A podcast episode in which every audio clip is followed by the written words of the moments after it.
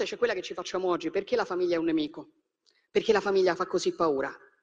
C'è una risposta unica per tutte queste domande, perché ci definisce, perché è la nostra identità, perché tutto quello che ci definisce in questo tempo è un nemico per chi vorrebbe che non avessimo più un'identità e che, fossero, che fossimo solamente schiavi, consumatori perfetti.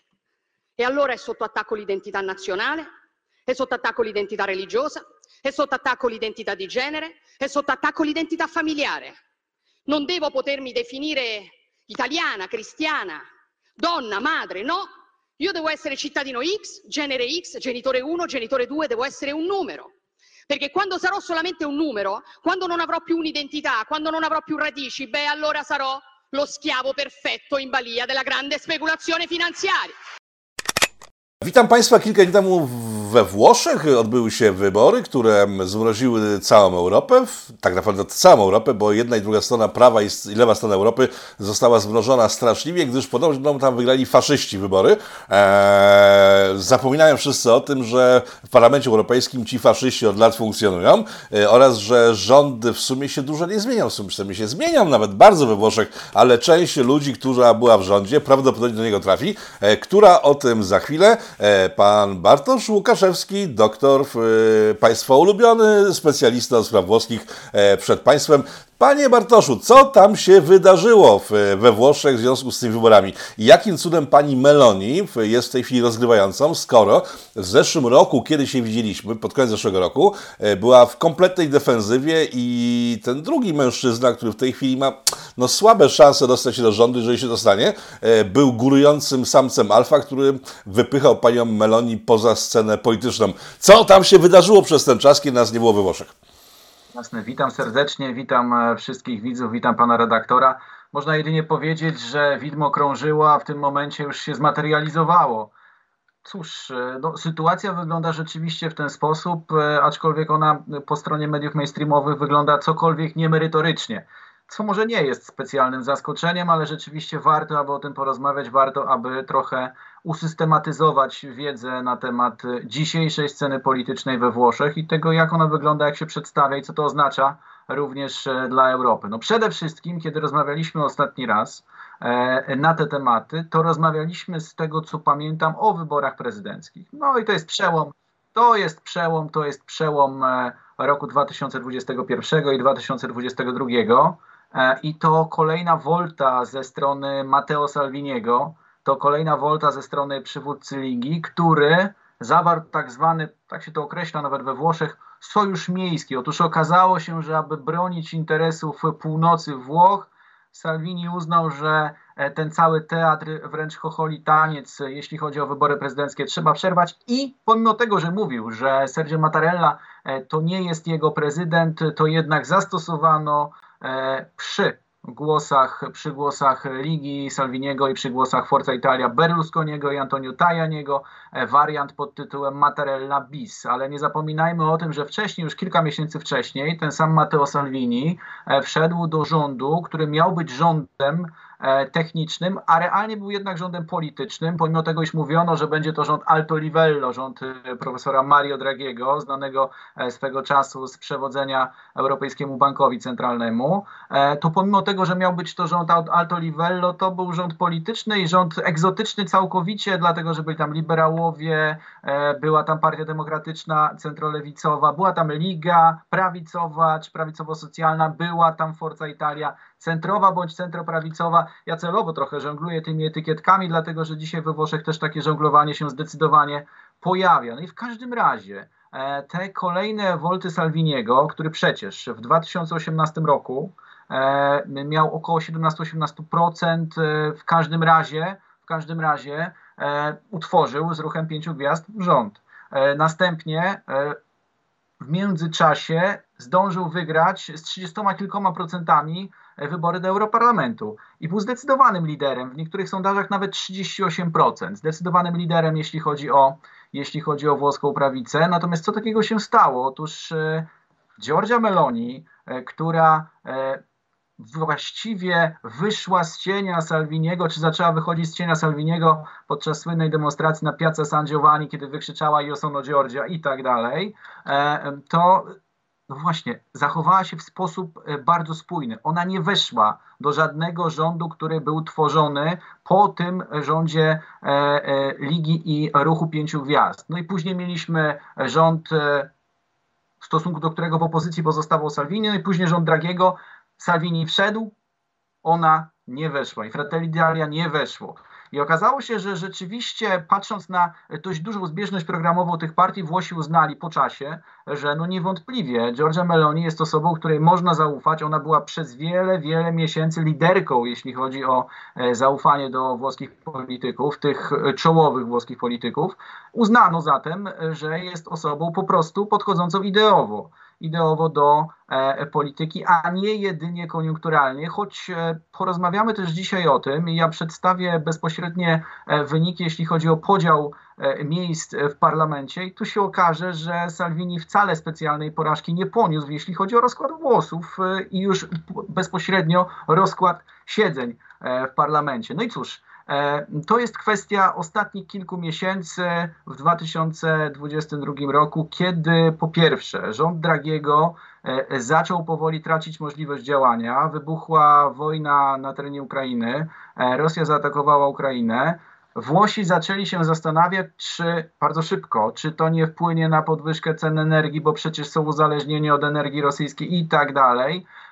I w okolicach czerwca ruch pięciu gwiazd e, zaczął się dzielić. Zaczął się dzielić, a w tym ruchu pięciu gwiazd bardzo ważną e, postacią był Luigi Di Maio, były wicepremier i minister spraw zagranicznych w rządzie Dragiego.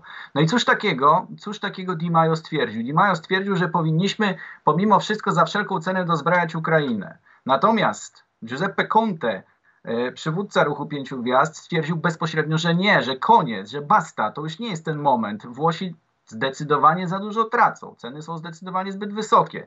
Rzeczywiście największa inflacja e, e, we Włoszech od wielu, wielu lat. E, inflacja oczywiście mało porównywalna z naszą, ale też okolice 9-10%. I cóż, i zaczęło się, no właśnie, tańczenie wokół trochę już zwłok rządu Dragiego. Ten taniec zaczęto uprawiać. Draghi uznał, że skoro jego rząd miał być rządem jedności narodowej, to on złoży dymisję. I złożył dymisję i to był lipiec to była połowa lipca. Połowa lipca e, bieżącego roku. E, Sergio Mattarella przekonał go, żeby poczekać, żeby spróbować e, przeprowadzić negocjacje, że może tą większość da się odbudować, że e, okej, okay, Liga zastanawia się, czy pozostać w rządzie, Forza Italia zastanawia się, czy pozostać w rządzie, Ruch Pięciu Gwiazd zastanawia się, czy po, pozostać w rządzie. Centrolewica cały czas trwała mocno przy Mario Dragim. No i cóż, e, odbyło się kolejne, e, kolejne głosowanie, czy właściwie odbyło się głosowanie e, e związane z wotum zaufania dla rządu Dragiego. I to było bardzo ciekawe, bo uwaga, o ile wcześniej wstrzymano tą procedurę dymisji i tak dalej, e, Draghi nie poddał się pod głosowanie, Mattarella go przekonał, to później już jak najbardziej. No i 21 lipca tego roku, e, uwaga, rząd Dragiego uzyskał wotum zaufania. Rząd Dragiego uzyskał wotum zaufania, tylko że za rządem Dragiego głosowała jedynie Partia Demokratyczna. Nie pojawiły się wtedy w parlamencie włoskim na głosowaniach takie partie jak Ruch Pięciu Gwiazd, nie pojawił się, nie pojawił się Matteo Salvini, nie pojawiła się Liga, nie pojawiła się Forza Italia. No więc e, bardzo małą ilością głosów, śmieszną ilością głosów po prostu e, rząd Dragiego tą większość uzyskał. Draghi uznał, że nie ma to najmniejszego sensu, zrezygnował. E, Sergio Mattarella uznał, że nie ma sensu ośmieszać włoską demokrację dalej i po prostu ogłosił wybory. I te wybory odbyły się 25 września, a wcześniej odbyła się najszybsza czy właściwie może przedłużenie istniejącej już i tak kampanii wyborczej, ale z punktu widzenia dat to rzeczywiście najszybsza w historii Włoch kampania wyborcza, bardzo ciekawa, bardzo burzliwa, e, która również e, miała swój e, jakże ciekawy epilog właśnie 25 września e, z racji pewnych i zgrzytów koalicyjnych. Pewnych zgrzytów koalicyjnych, które dzisiaj są coraz bardziej wygaszane tak na marginesie to nie tylko zgrzyty między e, Giorgio Meloni a Matteo Salvinim, ale również zgrzyty między Silvio Berlusconim a Matteo Salvinim, czego specjalnie nie podejrzewano. Nie podejrzewano, że te zgrzyty mogą mieć miejsce, ale tutaj cóż, pewien specyficzny sposób myślenia Silvio Berlusconiego rzeczywiście znowu dał dać o sobie, kiedy zobaczył, że Matteo Salvini słabnie, to próbował przejąć drugie miejsce, tą drugą pozycję w koalicji. Cóż, myślę że, myślę, że w tym momencie możemy chyba przejść do głównych haseł kampanijnych, bo to też bardzo ciekawe, jakie hasła podejmowano, jak ta kampania wyglądała, a proszę mi wierzyć, że ona wyglądała dużo dynamiczniej niż nasze rodzime kampanie wyborcze. No więc właśnie to jest następne pytanie, które chciałem zadać, e, bo szli ci ludzie do wyborów e, z dużymi planami zmian e, w, w systemie politycznym Włoch E, który ma wreszcie ustabilizować sytuację w Włoszech, bo wiemy, że Włochy systematycznie zmieniają swoje rządy. Pytanie, które tu się też przy okazji pojawia i często jest zadawane przez widzów polityką, e, jak długo ten rząd ma szansę przetrwać, patrząc na historię poprzednich rządów. E, jakie zmiany polityczne chcą wprowadzić, bo to są no, rewolucyjne wręcz chyba można uznać pomysły. Z punktu widzenia, z punktu widzenia orientacji wyborczej i z punktu widzenia również ilości miejsc w parlamencie, tu trzeba powiedzieć, że i tak już te wybory były dość rewolucyjne, bo zredukowano miejsca w parlamencie. W jednej izbie 200 osób, w drugiej e, izbie 400 osób, więc to była redukcja poważna. E, kolejna kwestia, zastosowano ordynację większościową, Rosatellum tak zwaną, ordynację większościową bardzo premiującą duże koalicje. No i dlatego właśnie dwie duże koalicje poszły do wyborów. E, Centrodestra, czyli Meloni, Salvini, Berlusconi Partia Demokratyczna i, i mniejsze partie lewicowe, te dwie koalicje. Ruch Pięciu Gwiazd poszedł samodzielnie. Jak się okazało, to była dobra decyzja Giuseppe Conte, ale o tym, ale o tym e, za moment. I oczywiście toczyła się bardzo poważna debata programowa. Giorgia Meloni rzeczywiście wysuwała bardzo głośno ten podstawowy argument pod hasłami. Siamo pronti a governare, jesteśmy gotowi, aby rządzić. Siamo pronti, Italia pronta, Italia też jest gotowa. No i bardzo proste hasło dla Włoch, per Italia. Przede wszystkim to główne hasło Giorgi Meloni, ale to była tylko fasada. Pod tą fasadą na gruzach właściwie wyborów prezydenckich bardzo głośne hasło. Zmieńmy nasz ustrój przede wszystkim w następującym kierunku. Niech to będzie ustrój prezydencki. Tak się mówi, że prezydencki. Natomiast to nie będzie proste, żeby zmienić na prezydencki bezpośrednio. Ale hasło, które odwołało się do potężnego niesmaku włoskiej opinii publicznej, jeśli chodzi o e, recepcję wyborów, czyli przede wszystkim e, powszechne wybory prezydenckie czyli oddanie głosu ludowi, oddanie głosu narodowi, oddanie głosu społeczeństwu, aby Włosi wybierali prezydenta, a nie deputowani. Pamiętamy cały ten teatr e, z wyborami. Nawet, nawet swoją drogą pojawiały się e, szalenie satyryczne memy. Dwa bardzo ciekawe memy, moje ulubione akurat jeśli chodzi o te wybory e, prezydenckie. Dlatego Meloni również zyskiwała poparcie, ona to bardzo ostro krytykowała. E, pierwszy, Matteo Salvini pukający e, i e, później dzwoniący domofonem. Dzień dobry, czy chciałaby pani zostać prezydentem Włoch? No i drugi, rozmawiający, rozmawiający Antonio Tajani z Silvio Berlusconim. No i Berlusconi mówiący do Tajaniego, wiesz, chciałbym kobietę w pałacu prezydenckim. No i Tajani odpowiadający, na którą zamówić? No, no właśnie. I, I tak Włosi do tego podchodzili, więc powszechne wybory prezydenckie to jest jedna kwestia. Meloni mówiła również o e, rzeczy bardzo ważnej, podobnie Salvini, tylko trochę inaczej do tego podchodził, o państwie socjalnym, ale opartym na pracy, czyli przede wszystkim małe lokalne przedsiębiorstwa, firmy rodzinne, wsparcie wykluczonych, tych, którzy nie pracują, chcieliby pracować, walka z bezrobociem, miejsca pracy tworzone przez państwo również to jak najbardziej hasła Giorgi Meloni. No i oczywiście szereg haseł obyczajowych. To całkowicie oczywista kwestia. E, te hasła obyczajowe to zresztą to, z czego Giorgia Meloni jest znana, czyli nie rodzic pierwszy, rodzic drugi, tradycyjna rodzina, matka, ojciec. Natomiast e, jeśli chodzi o Meloni swego czasu podczas jednego ze spotkań, i to była jedna z najważniejszych kwestii w tej kampanii, przez polskie media właściwie przemilczana. To jest bardzo ciekawe. No łatwo jest oczywiście stygmatyzować, natomiast podczas jednego ze spotkań, e, bardzo dużego spotkania na scenę, e, z której przemawiała Giorgia Meloni, wszedł gejowski aktywista. I zapytał, dlaczego jest przeciwna, dlaczego ogranicza możliwości, dlaczego zakazuje praw, i stwierdziła, że nie, w żadnym wypadku.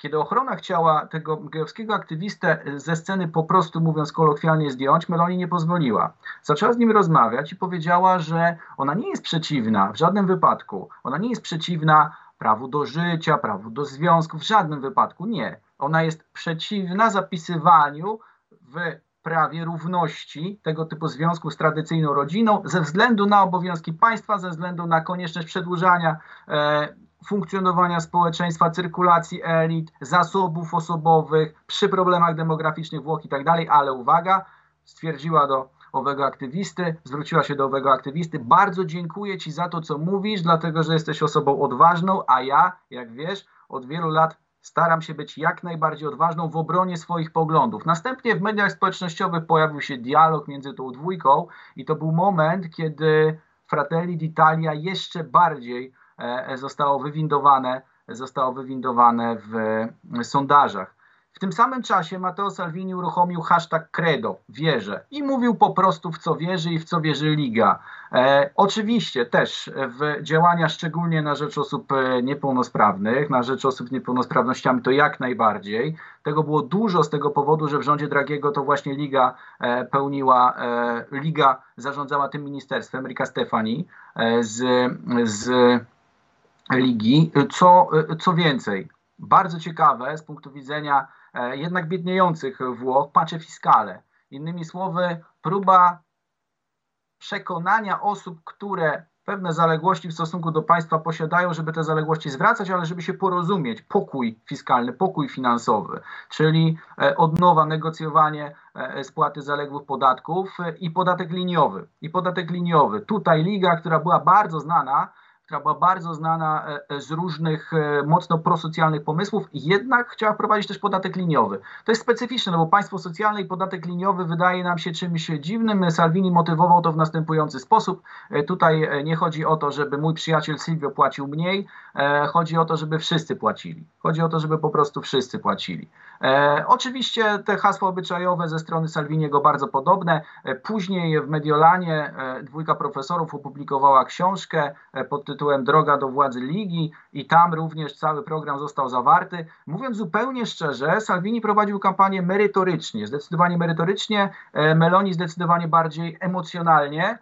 E, I cóż, i ta merytoryka w tym przypadku nie wygrała, ale to ze względu jednak na E, niewielką spójność e, deklaracji i realnych działań Matteo Salviniego. No i cóż, i mamy wyniki. 25, 25 okazało się, że Włosi potraktowali owe wybory trochę jak plebiscyt, jak e, wybór pomiędzy nową, nową koalicją prawicową, bo przypominam, ta koalicja, tego typu koalicja prawicowa nie rządziła. Jeszcze po prostu nie rządziła e, samodzielnie. To zawsze były trochę kombinowane próby e, budowania większości.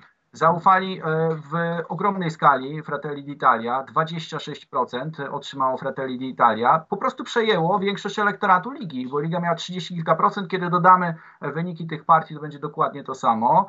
E, jeśli chodzi o miejsce drugie, 20% Partia Demokratyczna, uwaga, najgorszy wynik lewicy włoskiej w historii w wyborach, od kiedy powstała ta postkomunistyczna e, lewica. Najgorszy wynik i Enrico Letta E, już e, w tym momencie zapowiedział, że na kongresie poda się do dymisji e, i że nie będzie startował po raz kolejny. Rewelacyjny wynik z punktu widzenia permanentnego dołowania w sondażach. Czwarte miejsce, piąte miejsce ruchu pięciu gwiazd. Wydawało się, że ruch pięciu gwiazd po prostu umrze śmiercią naturalną. Tymczasem ruch pięciu gwiazd otrzymał 15% i wygrał wybory z całą koalicją prawicową w regionie kampanii, w regionie Neapolu. Tu na marginesie chciałem zwrócić się do jednego z widzów, który w komentarzach pod, pod e, anonsem o e, naszym e, dzisiejszym spotkaniu wskazał, że informowałem o tym, że nie okrada się turystów w Neapolu, bo mafia tamtejsza w Neapolu, Camorra dba o swój własny interes. Ja mówiłem o Sycylii.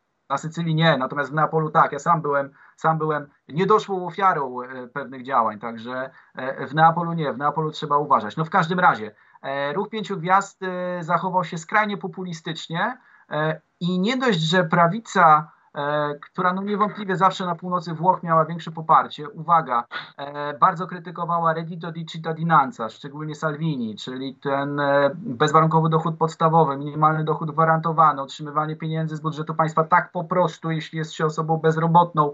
E, Salvini twierdził jasno, jeśli odrzucisz propozycję pracy, to nie powinieneś mieć później prawa do zasiłku. Jeśli państwo ci zaproponuje, a ty odrzucisz. Tam nie, właśnie szereg różnych jeszcze rozbudowa całkowita.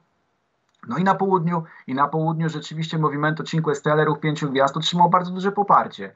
E, natomiast e, cóż, e, Liga 9%, to jest słaby wynik. To jest dwa razy mniej niż w 2018 roku i to jest, e, i to jest e, zdecydowanie mniej również e, niż w wyborach e, do Europarlamentu, to prawie cztery razy mniej. No w każdym razie Liga, uwaga, zyskała bardzo, jeśli chodzi o ową orientację większościową, o tym powiem za moment, ale widząc słabnącą ligę, przeczuwając słabnącą ligę, stary list Silvio Berlusconi, 85-letni, a we Włoszech, drodzy Państwo, funkcjonuje cisza sondażowa. Na dwa tygodnie przed wyborami nie można publikować żadnych sondaży, więc przez te 14 dni, tak naprawdę na ostatniej prostej, nikt nie wie, co się dzieje. Nikt nie wie, co się dzieje, więc to zawsze są działania, działania trochę po omacku i próby tylko i wyłącznie zbierania informacji, ale, ale w sposób niejawny. No ale Berlusconi przeczuwał, że Salvini traci. I w dniu wyborów, 25 września, e, przypadkowo pojawiła się na profilach Berlusconiego i, i, różnych powiązanych e, e taka dykteryjka podczas obiadu e, e, niejakiego Silvio właśnie ze swoimi współpracownikami. Silvio stwierdził rzecz następującą. Powiem wam, Chciałbym wyniku lepszego od ligi, w wyniku powyżej 10%. Uważam, że jest to bardzo możliwe. Mateo to bardzo odważny człowiek. Ja go bardzo lubię, my się bardzo szanujemy, ale słuchajcie, on ma jeden problem. On nie potrafi rządzić. Dlaczego? Dlatego, że on zawsze miał rozgrywającego. Niech on działa. Ja mogę być jego rozgrywającym. On nie potrafi rządzić, słuchajcie, dlatego, że on zawsze był politykiem i on nigdy nie pracował. I w ten sposób Silvio Berlusconi próbował swojemu mediolańskiemu przyjacielowi jeszcze wbić nóż w plecy. Ostatecznie to nie wyszło, natomiast różnica między Ligą a Forza Italia to jest 1%, bo Forza Italia uzyskało 8%. No więc Liga z tej e, siły pierwszej spadła aż na czwarte miejsce w przeciągu kilku lat, tyle że podział miejsc w parlamencie jest następujący i tu odniosę się od razu do pytania, czy jest szansa na zmianę ustroju bo to jest bardzo ważne. Czy jest szansa na zmianę ustroju? No więc podział wygląda w następujący sposób. E, koalicyjny. Cała koalicja, ta centroprawicowa, gdzie uwaga, pamiętajmy, ona w Europarlamencie jest e, w trzech różnych frakcjach. To jest najciekawsze. No jest w trzech różnych frakcjach. We Włoszech koalicja, ale w Europarlamencie trzy różne frakcje. Dlatego Berlusconi i Tajani stwierdzili, że to my jesteśmy centrum. Teraz trzeba jasno powiedzieć, to my jesteśmy centrum. Reszta to jest prawica, a my jesteśmy właśnie centrum i dlatego centroprawica. E, I e, jeśli chodzi o podział, 347 głosów na 347 miejsc na 600 miejsc w parlamencie w dwóch izbach. To jest stan posiadania koalicji centroprawicowej. 185 to Fratelli d'Italia, 95 to e, Lega Salvini Premier, czyli była Lega Nord, czyli Liga Matteo Salviniego. E, Partia Demokratyczna niewiele ponad 100, no więc Partia Demokratyczna, która miała dwa razy więcej głosów, uwaga, dwa razy więcej głosów e, niż, niż Liga, ma tylko kilku posłów więcej tylko kilku posłów więcej. No to jest, to jest nowa, nowa, nowa ordynacja większościowa i teraz e, brakuje, brakuje możliwości zabrania po e, kilka osób tak naprawdę, jeśli chodzi o przekonanie do głosowania za zmianą konstytucji, po kilka osób z każdej frakcji. Realnie no to jest kilkadziesiąt osób do, do, do zebrania w tym momencie, żeby koalicja e, centroprawicowa Meloni, Salviniego i Berlusconiego mogła zmienić włoską konstytucję. E, to jest możliwe, to nie będzie łatwe. E, Francesco Lollobrigida z Fratelli Italia stwierdził wczoraj e, typowo po włosku, że nasza konstytucja to jest piękna kobieta, to jest piękna dama, tylko cały problem polega na tym, że ona ma już 70 lat. Że ona ma już 70 lat. I warto by było jednak pomyśleć o zmianie. Okej. Okay. To piękne. Spytam o panią von der Leyen, bo ona dzień przed wyborami we Włoszech powiedziała to, co powiedziała, czyli że, że, że jeżeli e, Włosi wybiorą prawicę, to Unia użyje tych samych e, sposobów temperowania Włoch, jak już w stosunku do Węgier i do Polski. Wprost e, mówiąc, że nie chodzi o rzeczywiste jakieś problemy tych wszystkich państw, tylko że to jest bicz, którym strofują sobie państwa, które się stawiają. Na ile to powiedzieć miała wpływ na wynik wyborów? I od razu następne pytanie, na ile ta koalicja jest antyunijna, bo wśród różnych głosów eksperckich, zaraz po wyborach, pewnie już o tym powiem więcej, bo to była jedna wielka histeria tak naprawdę, usłyszeć można było, że ten rząd jest tak e, daleko na prawą stronę, jest faszystowski, nazistowski itd., tak itd., tak e, że wyprowadzi Włochy z Unii. E, jak będą wyglądać stosunki tej koalicji i nowego rządu z Unią i jak, na ile wpłynęła pani von der Leyen na sukces prawicy włoskiej? Ursula von der Leyen e, poprzez, e, poprzez swoją wypowiedź e, spolaryzowała scenę polityczną jeszcze bardziej.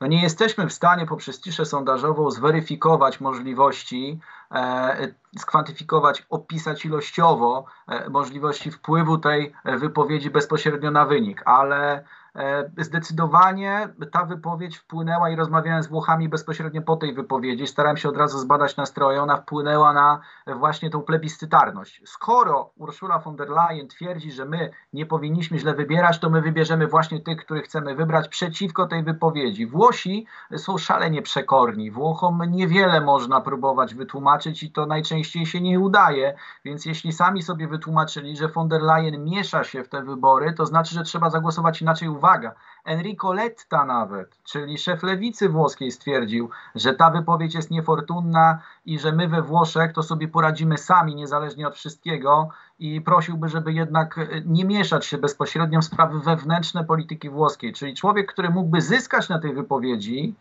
który mógłby ją inaczej interpretować, też okazał się na tyle dumny w swojej postawie, że był właściwie zdecydowanie przeciwny. No cóż, można powiedzieć, że tak, że, e, że jeśli chodzi o e, słowa Ursuli von der Leyen, one bardzo pomogły również włoskiej koalicji. Matteo Salvini, kiedy zobaczył, że to nie jest wielka porażka rzeczywiście pod kątem ilości głosów, od razu był rozpromieniony, bardzo szybko smutek z jego twarzy zszedł i stwierdził, że w takiej sytuacji to po prostu viva demokracja, viva Ursula von der Leyen. No cóż, E, jeśli chodzi o, jeśli chodzi o stosunek e, tej koalicji do e, mainstreamu unijnego, to nie jest moim zdaniem zdecydowanie rozsądne, jeśli mówimy o tym, że generalnie Włosi są dzisiaj antyeuropejscy. No nie są antyeuropejscy. Włosi podkreślali, to podkreślała Meloni, podkreślał to Salvini, podkreślał to Tajani, podkreślał to Berlusconi i wszyscy, że to my jesteśmy jednym z państw założycielskich Unii. Tylko, że Unia idzie w kierunku, który nam się niekoniecznie podoba. E, Włosi nie ufają Unii Europejskiej, establishmentowi europejskiemu e, i w związku z tym chcieliby po prostu Unię przekształcać. Natomiast nie będą z Unii wychodzić, takich pomysłów specjalnie nie było. Notabene e, startowała, startowała we włoskich wyborach partia Italexit Gianluigiego Paragone, która bezpośrednio to hasło ma w swojej nazwie. No i ona dostała niewiele powyżej 2%. Także to jest skala tego realnego Italexitu. E, w związku z czym e, to będą zdecydowanie e, działania, które będą polegały na chęci zreformowania. Tylko pamiętajmy jeszcze, że to nie były wybory do Europarlamentu, tylko po prostu wybory we Włoszech parlamentarne. E, oczywiście wybory do Europarlamentu zakończą się pewnie ponownie E, w podobny sposób, natomiast e, to nie były wybory do Europarlamentu. E, tutaj istnieje możliwość wpływu i jak najbardziej te koalicje międzynarodowe pewnie będą odnawiane. Czy koalicja z Voxem, czy z Prawem i Sprawiedliwością, czyli zresztą współczłonkami europejskich konserwatystów i reformatorów. Zresztą tej międzynarodówki przewodniczącą jest właśnie Giorgia Meloni. Natomiast jeśli chcemy powiedzieć, że to będzie E, rząd antyeuropejski i prorosyjski, to oczywiście możemy w ten sposób rozmawiać, ale cóż, to właściwie satyra. To właściwie satyra i, i rozmowa na poziomie, który obraża rozmówcę. E, to bądźmy poważni w takim razie i zastanówmy się nad tym, bo to jest część polityki europejskiej, to co się stało we Włoszech. E, mamy tak, Węgry, które są antyunijne to jest źle powiedziane, tak? One chcą reform w Unii Europejskiej. Jest Polska, która też nie jest antyunijna, tylko chce zreformować Unię Europejską. W Szwecji do władzy dostali się tamtejsi prawicowcy, e, o nich zrobimy osobny program, bo ta prawica szwedzka jest bardzo specyficzna, jeszcze bardziej specyficzna od, od, od, włoskiej. Teraz prawica wygrywa we Włoszech. W przyszłym roku Vox ma szansę zamieszać w wyborach e, hiszpańskich. E, czy nie jesteśmy czasem świadkami e, przebu początku przebudowy Unii Europejskiej, bo za chwilę jest taka duża szansa, że większość w parlamencie europejskim będą miały siły polityczne, którym nie odpowiada dzisiejsza Unia Europejska prowadzona przez Niemców. Poza tym zwróciłbym uwagę jeszcze na dość szerokie poparcie dla FPO w Austrii i e, to będzie ciekawe, jeśli tam e, znowu wygra, e, wygra siła konserwatywna. No przypomnijmy sobie kontrowersyjnego Jörga Haidera z tego czasu i, i ten niebywały krzyk, kiedy Haider, kiedy Haider wygrał wybory. W każdym razie to też jest jedna z e, ciekawszych kwestii. Oczywiście, bo było też pytanie, czy rząd Meloni będzie trwały. Jak na razie absolutne deklaracje pełnej spójności. Nie wierzcie w to, że się kłócimy, nie wierzcie w to, że my nie chcemy współpracować, nie wierzcie w te wszystkie głosy. Tak, chcemy reformować Unię Europejską zdecydowanie i to są słowa Giorgi Meloni. My chcemy Włoch w Unii tak silnej i Europy takiej z naszymi międzynarodowymi partnerami, żeby między innymi Włosi byli dumni z bycia Włochami, a wszyscy nasi partnerzy byli dumni z reprezentowania swoich nacji. Więc to jest tego typu kwestia. I rzeczywiście e, tym pierwszym elementem, bo proszę zobaczyć, e, nie mówiono jeszcze przed ostatnimi wyborami do Europarlamentu e, na przykład o frakcji suwerennościowej no to pojęcie nie było specjalnie głośne. No ale ta frakcja suwerenisti, suwerennościowców zaczęła się rozwijać właśnie dlatego, że Salvini wygrał wybory do Europarlamentu, właśnie dlatego, że bardzo dobry wynik e, osiągnęło Prawo i Sprawiedliwość, że znakomity wynik osiągnęła Marine Le Pen i tak dalej. E, to z tego wszystko wynika, że rzeczywiście mamy w krajach, które z establishmentu unijnego nie są zadowolone, zdecydowanie przesilenie w kierunku sił konserwatywnych, takie nazwijmy, czy prawicowych, czy prawicowo-socjalnych, e, jak w przypadku Włoch zdecydowanie, czy w przypadku Prawa i Sprawiedliwości, bo przecież państwo socjalne to jest jedno z głównych haseł też Giorgi Meloni. No w każdym razie, tak, jak najbardziej mamy przesunięcie i wahadło zaczyna się wychylać zdecydowanie. Natomiast e, to jest zawsze kwestia o e, sojusze i o to, czy one będą podtrzymywane i o to, czy, e, jak stwierdził podczas jednej z debat, w której uczestniczyłem dr Carlo Paolicelli, czy nie okaże się, czy nie okaże się, że znowu polska racja będzie najważniejsza, włoska racja będzie najważniejsza, hiszpańska racja będzie najważniejsza, bo jeśli te racje znowu będą najważniejsze, czy węgierska, to nie będzie jednej osi, to nie będzie jednego działania i to będzie po prostu w cudzysłowie rozbicie dzielnicowe, które do niczego nie doprowadzi. To jest rzecz absolutnie kluczowa. Jeden z widzów pytał w komentarzach, czy coś łączy e, Meloni oprócz zdjęć na przykład e, e, europarlamentarzysty Ryszarda Czarneckiego z Giorgio Meloni. Łączy. Łączy o tyle Prawo Sprawiedliwość, że to jest po pierwsze jedna frakcja, że Meloni jest tej międzynarodówki przewodniczącą, że uwaga, Ryszard Czarnecki Giorgio Meloni zgłaszał do wyborów i ona została zgłoszona przez Ryszarda Czarneckiego i została wybrana i tak dalej. Jasne, to może niewiele, ale każdy, kto ma pewne doświadczenia samorządowe albo po prostu wyobraźnie wie, że jeśli się kogoś zgłasza do wyborów, to tylko i wyłącznie może mieć dwie intencje. Pierwsza, chcemy komuś zrobić krzywdę, bo ktoś zgodzi się na wybór, a wiemy, że przegra. Druga, Właśnie dlatego zgłaszamy, żeby został wybrany. I tak to rzeczywiście wygląda. Pytanie jest następujące: e, czy rzeczywiście e, będą tutaj tak ważne elementy programowe, które będą na tyle spójne, że poszczególne egoizmy e, narodowe zostaną wygaszone, czy też nie? No, jeśli nie, to będziemy znowu rozmawiać o rozbiciu dzielnicowym. Czyli nie tylko egoizmy narodowe, ale egoizmy partyjne zadziałały. Bo tak, Berlusconi jest e, w koalicji z Donaldem Tuskiem, z partią Donalda Tuska w Europarlamencie, e, Meloni z PiSem, jak sam powiedział. I najciekawsza sytuacja jest w przypadku Salviniego, który ma bardzo bliskie stosunki z Orbanem, e, z którym to pan Morawiecki, rząd polski bardzo się poróżnił przy okazji wojny na Ukrainie. Także to wszystko skleić do kupy będzie łatwo, trudno. Salvini, Salvini ma bardzo bliskie relacje z Marine Le Pen. Jest w tej samej e, eurofrakcji Identità e Democracia, e, czyli tożsamość i demokracja. Marine Le Pen niespecjalnie przepada za Giorgio Meloni i z wzajemnością. No, dwie mocne kobiety o podobnym podejściu, to jest oczywiste, to jest zdecydowanie e, recepta na, na kłótnię.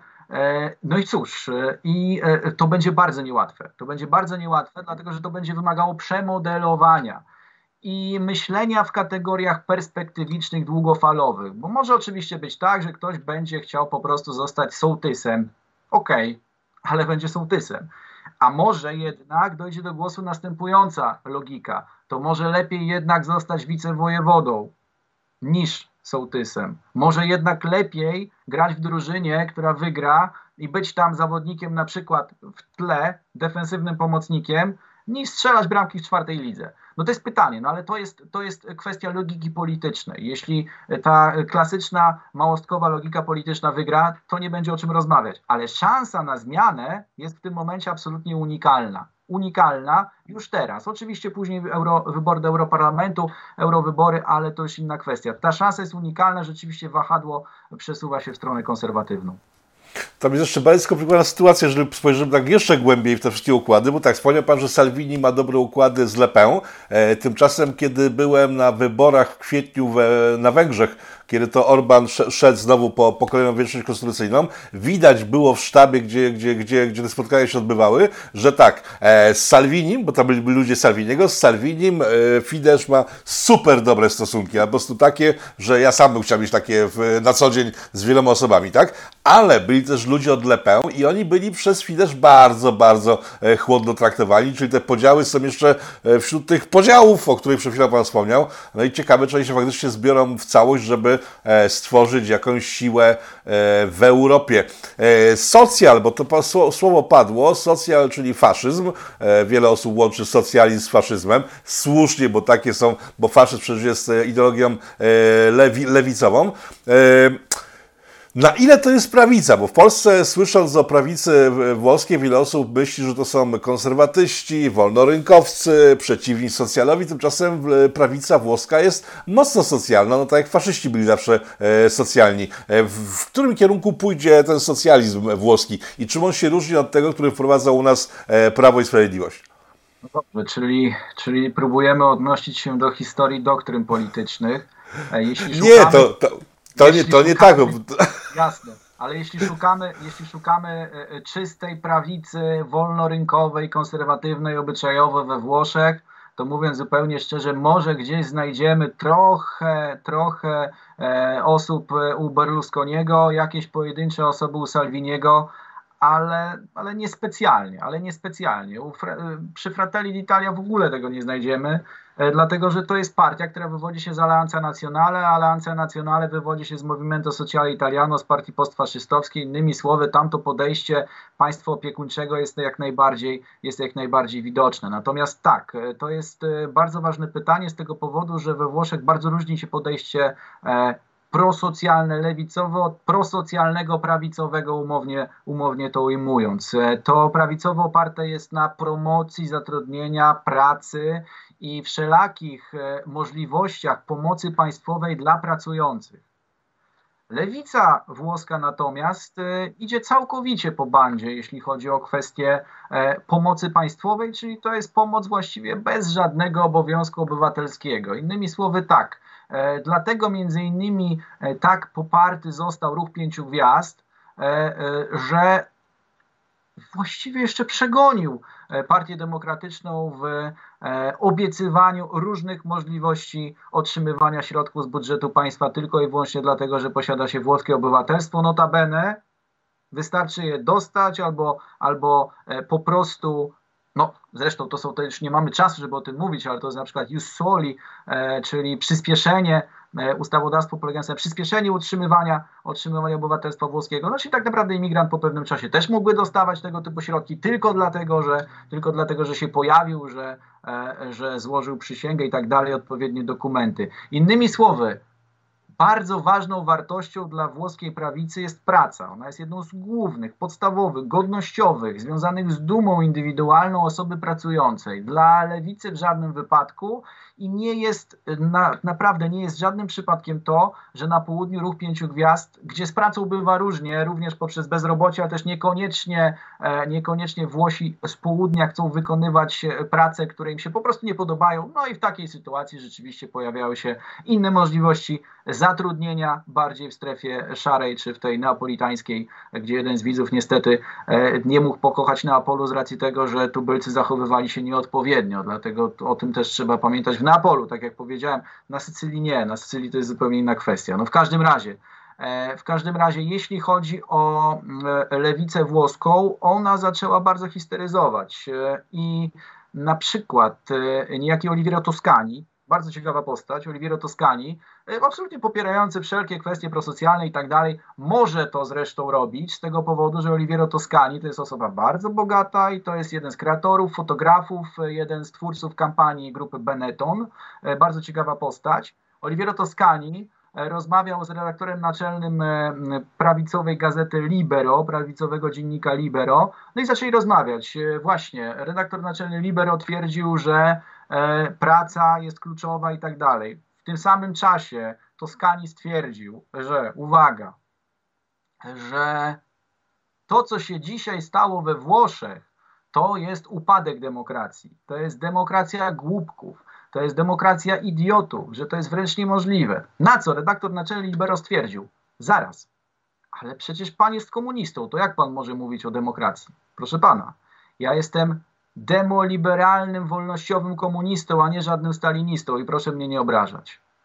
Wczoraj, wczoraj, wczoraj ta dyskusja e, została odtworzona ponownie e, na antenie Rajtre, czyli wolnościowy, demoliberalny komunista, a nie żaden stalinista. No to trochę pokazuje, że lewica włoska jest już całkowicie pogubiona, jeśli chodzi o etykiety.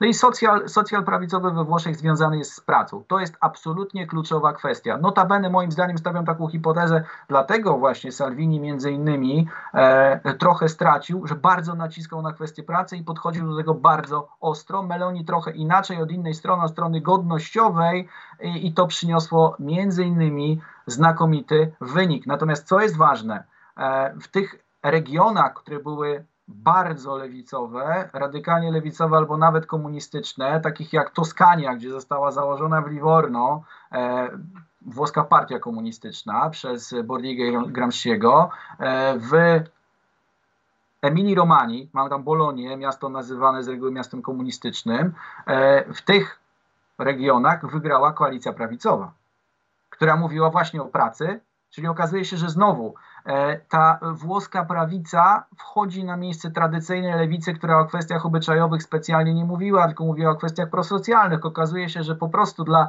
wyborców toskańskich, wyborców z Emilii ona okazała się zdecydowanie w kwestii socjalnej wiarygodniejsza niż lewica, która stała się skrajnie liberalną obyczajowo, ale no już e, o kwestiach socjalnych specjalnie pamiętającą. E, to jest szalenie ciekawe. To Matteo Salvini, ten uważany za rasistę, szowinistę i tak dalej, mówił o kwestiach na przykład e, równouprawnienia, ale osób z niepełnosprawnościami. Podczas finału kampanii wyborczej w Pontidzie, gdzie zebrało się około 100 tysięcy członków ligi. Włoski Związek Głuchoniemych dziękował Matteo Salviniemu za działania w rządzie Dragiego na rzecz osób z niepełnosprawnościami, na rzecz osób niepełnosprawnych. To jest bardzo ciekawe, bo to przecież tradycyjna, tradycyjna grupa, którą powinna zajmować się lewica. No ale nie, w żadnym wypadku. Tutaj e, zajmowano się kolejnymi płciami, zajmowano się liberalizacją, zajmowano się, uwaga, liberalizacją prawa antynarkotykowego. E, I to też jedno z haseł, które właściwie podrzuciła lewica całkowicie e, prawicy włoskiej, która po prostu stwierdziła, no, per la droga, nie dla jakichkolwiek narkotyków, bo nie ma dobrych narkotyków. No, no i cóż, wejście, wejście w tą lukę było moim zdaniem dość proste, natomiast to zostało umiejętnie wykonane przede wszystkim przez, przez Giorgio Meloni. E, różni się, różni się e, niewątpliwie podejście prosocjalne włoskie od polskiego tym, że e, My w Polsce o pracy specjalnie nie mówimy, to też z tego powodu, że nie ma problemu z pracą. Włosi mają pewien problem z pracą i mają dość duże bezrobocie i dlatego bardzo głośno mówią o tym, że praca uszlachetnia. Ta sytuacja, którą Pan przedstawi, trochę też Polskę przypomina, bo PiS, lewicowa partia, jakby nie patrzeć, e, kompletnie przejmuje elektorat e, starego, dobrego SLD, które poszło w gendery i tego typu podobne rzeczy. Imigranci to jest, myślę, ciekawy też temat, bo e, Salvini jest znany z ostrego traktowania polityki migracyjnej. Jak ta koalicja będzie podchodziła do imigrantów, którzy są problemem, jak nie patrzeć. Zrobiliśmy o tym może 17 filmów, ale jeden program, do którego odsyłam, który będzie zalinkowany w komentarzach poniżej tego programu. Jasne. E, to tylko jeszcze dodam, e, że e, rzeczony Oliviero Toscani, uwaga, mówił o tym, że jestem demoliberalnym komunistą, wolnościowym i tak dalej, no, wrażliwym społecznie, z Rolexem na ręku. Także następnie Salvini od razu powiedział, jak ty możesz w ogóle mówić cokolwiek o nas, komunisto z Rolexem, z Rolexem na ręku. No w każdym razie, jeśli chodzi, jeśli chodzi o imigrantów. Nie wiem, czy pamiętają Państwo takiego e, jakże e, ciekawego burmistrza Messyny. Swoją drogą, e, tu jeszcze warto dodać, odbyły się 25 września wybory samorządowe na Sycylii i tam na Sycylii wygrała koalicja centroprawicowa, Renato Schifani i w każdym razie Dalej, tak jak wcześniej Nello Musumeci, ta właśnie strona sceny politycznej włoskiej rządzi na Sycylii. No w każdym razie Sycylia to jest ten teren e, głównie zresztą e, doświadczony. E, w każdym razie burmistrzem Messyny, może Państwo pamiętają właśnie tego, który podlatywał dronem pod osoby bez, bez maseczek i tak dalej, był Cateno de Luca. Cateno de Luca będzie miał swoich dwóch parlamentarzystów, tak na marginesie. Swoją drogą doszedł do tego pod hasłem na południu i na północy tak samo. Bardzo ciekawe. W każdym razie E, patrząc na imigrantów e, i patrząc na to, co miało miejsce. Jeden z widzów też, a starałem się prześledzić, prześledzić wypowiedzi i komentarze, stwierdził, że kiedy Salvini był, e, był ministrem, to nic się nie zmieniło w tej kwestii. No to nie jest prawdą. Zmieniło się wiele wtedy, kiedy był ministrem, no ale ministrem nie był długo i zresztą skończył swoje ministrowanie w zakresie Ministerstwa Spraw Wewnętrznych procesem za porwanie osób. Ten proces zresztą trwa w dalszym ciągu. E, kiedy jednego ze statków nie wpuścił i po prostu osoby e, na tym statku przebywały w przestrzeni e, w przestrzeni włoskiej, ale, ale po prostu na kontynent nie weszły, no kontynent, na wyspę, na wyspę, mówmy się, żeby później nie być, nie być nieprecyzyjnym. W każdym razie, tak, jak najbardziej. I Liga, a właściwie to jeszcze naleciałość, bo Liga zawsze była z przodu, teraz, teraz już nie jest. I Fratelli d'Italia, i Liga to są partie, które starają się absolutnie ograniczyć absolutnie ograniczyć e, nielegalną imigrację. To są partie, które bardzo dobrze pamiętają, że od 2019 roku ona znowu wielokrotnie wzrosła. Salvini ograniczył e, kilka razy ilość wpływających statków, natomiast po, e, po upadku po upadku rządu Ligi i e, Ruchu Pięciu Gwiazd, e, rząd e, Conte 2, niestety, ale przede wszystkim w osobie Luciany Lamorgese, ministra spraw wewnętrznych, bardzo mocno zliberalizował znowu politykę w tym zakresie, w związku z czym imigranci masowo napływali i dalej napływają. To jest jedna linia. Tutaj nie ma sprzeczności między, między Giorgio Meloni a Matteo Salvinim. E, tu mogą pojawić się potężne tarcia. Tu mogą pojawić się potężne tarcia, e, jeśli chodzi o e, poszczególne kontakty z agendami unijnymi, jak najbardziej. Natomiast trochę inny sposób działania. Salvini chce po prostu zwiększać precyzję ustawodawstwa i, i chce stanowić prawo, które i tak jest i które umożliwia działanie przeciwdziałające właśnie umożliwia przeciwdziałanie nielegalnej imigracji. Natomiast Meloni wydaje się, że idzie nawet krok dalej ona chciałaby ustanowienia blokady morskiej. Blok Konawale i koniec. Blokada morska i tyle. Nie macie możliwości wpłynięcia i to wszystko. To jest stosunek, to jest stosunek koalicji do imigrantów oprócz Forza Italia. Oprócz Forza Italia. Dlatego, że na Piazza del Popolo e, podczas podsumowania kampanii wyborczej na trzy dni przed, e, przed 25 września, przed dniem wyborów, e, Silvio Berlusconi stwierdził, że wolność jest najważniejsza. Każdy przypadek trzeba, trzeba e, w odpowiedni sposób rozpatrywać. On nie jest za tym, żeby zalewali, natomiast no, ludzie są ludźmi i swoją drogą Antonio Tajani jeszcze chyba na miesiąc przed wyborami zaprosił uwagę, żeby pokazać, że oni są siłą centrową właśnie, czyli z każdym mogą współpracować. Taki przypadek PSL-owski trochę. Zaprosił Manfreda Webera Manfreda Webera i razem z Manfredem Weberem, przewodniczącym EPL, Partii Ludowej, jeszcze e, też e, debatowali. No w każdym razie, e, niezależnie od, od tego, nie sądzę, aby Berlusconi mógł się sprzeciwiać, nawet pewnie nie będzie chciał się sprzeciwiać z jednego podstawowego powodu. Włosi są niebywale zmęczeni nielegalną imigracją na ich terenie. Rozumiem. E, wywołał Pan przed chwilą temat Dawida w XIX e, i tutaj też widzowie mają wiele pytań e, dotyczących tej kwestii. Jak kwestie pandemiczne widzieli e, członkowie koalicji do tej pory? Jaka jest szansa, że duże restrykcje, które ciągle obowiązują we Włoszech, e, pójdą w przeszłość, w niepamięć, czy może zostaną utrzymane te e, dość historyczne sposoby podchodzenia do tego tematu? Jaka, jak ta sytuacja wygląda? Nie jestem w stanie przewidywać oczywiście tego, jakie bezpośrednie decyzje będzie podejmował rząd, który miejmy nadzieję w drugiej połowie października zostanie sformowany, bo tu jeszcze szereg różnych procedur, e, które trzeba przejść, negocjacji, konsultacji z prezydentem i tak dalej. W każdym razie e, Giorgia Meloni od samego początku była przeciwniczką Green Passów, e, przeciwniczką e, obowiązkowych szczepień. Giorgia Meloni była przeciwniczką tego, co rzeczywiście nazywano we Włoszech również segregacją sanitarną. Matteo Salvini był przeciwny, natomiast Matteo Salvini e, w sposób obrotowy uważał, że e, jest w rządzie po to, żeby przeciwdziałać najbardziej radykalnym rozwiązaniom, a patrząc na takich partnerów, jedyne co może zrobić, mając takich właśnie partnerów w rządzie jak Ruch Pięciu Gwiazd czy, e, czy Partia Demokratyczna, to głosować za albo wstrzymywać się w przypadku radykalnych rozwiązań, a głosować za tymi mniej radykalnymi. E, to Włosi zresztą Salviniemu wypominali. Natomiast rzeczywiście Salvini starał się ograniczać. On później tłumaczył, że on to wszystko e,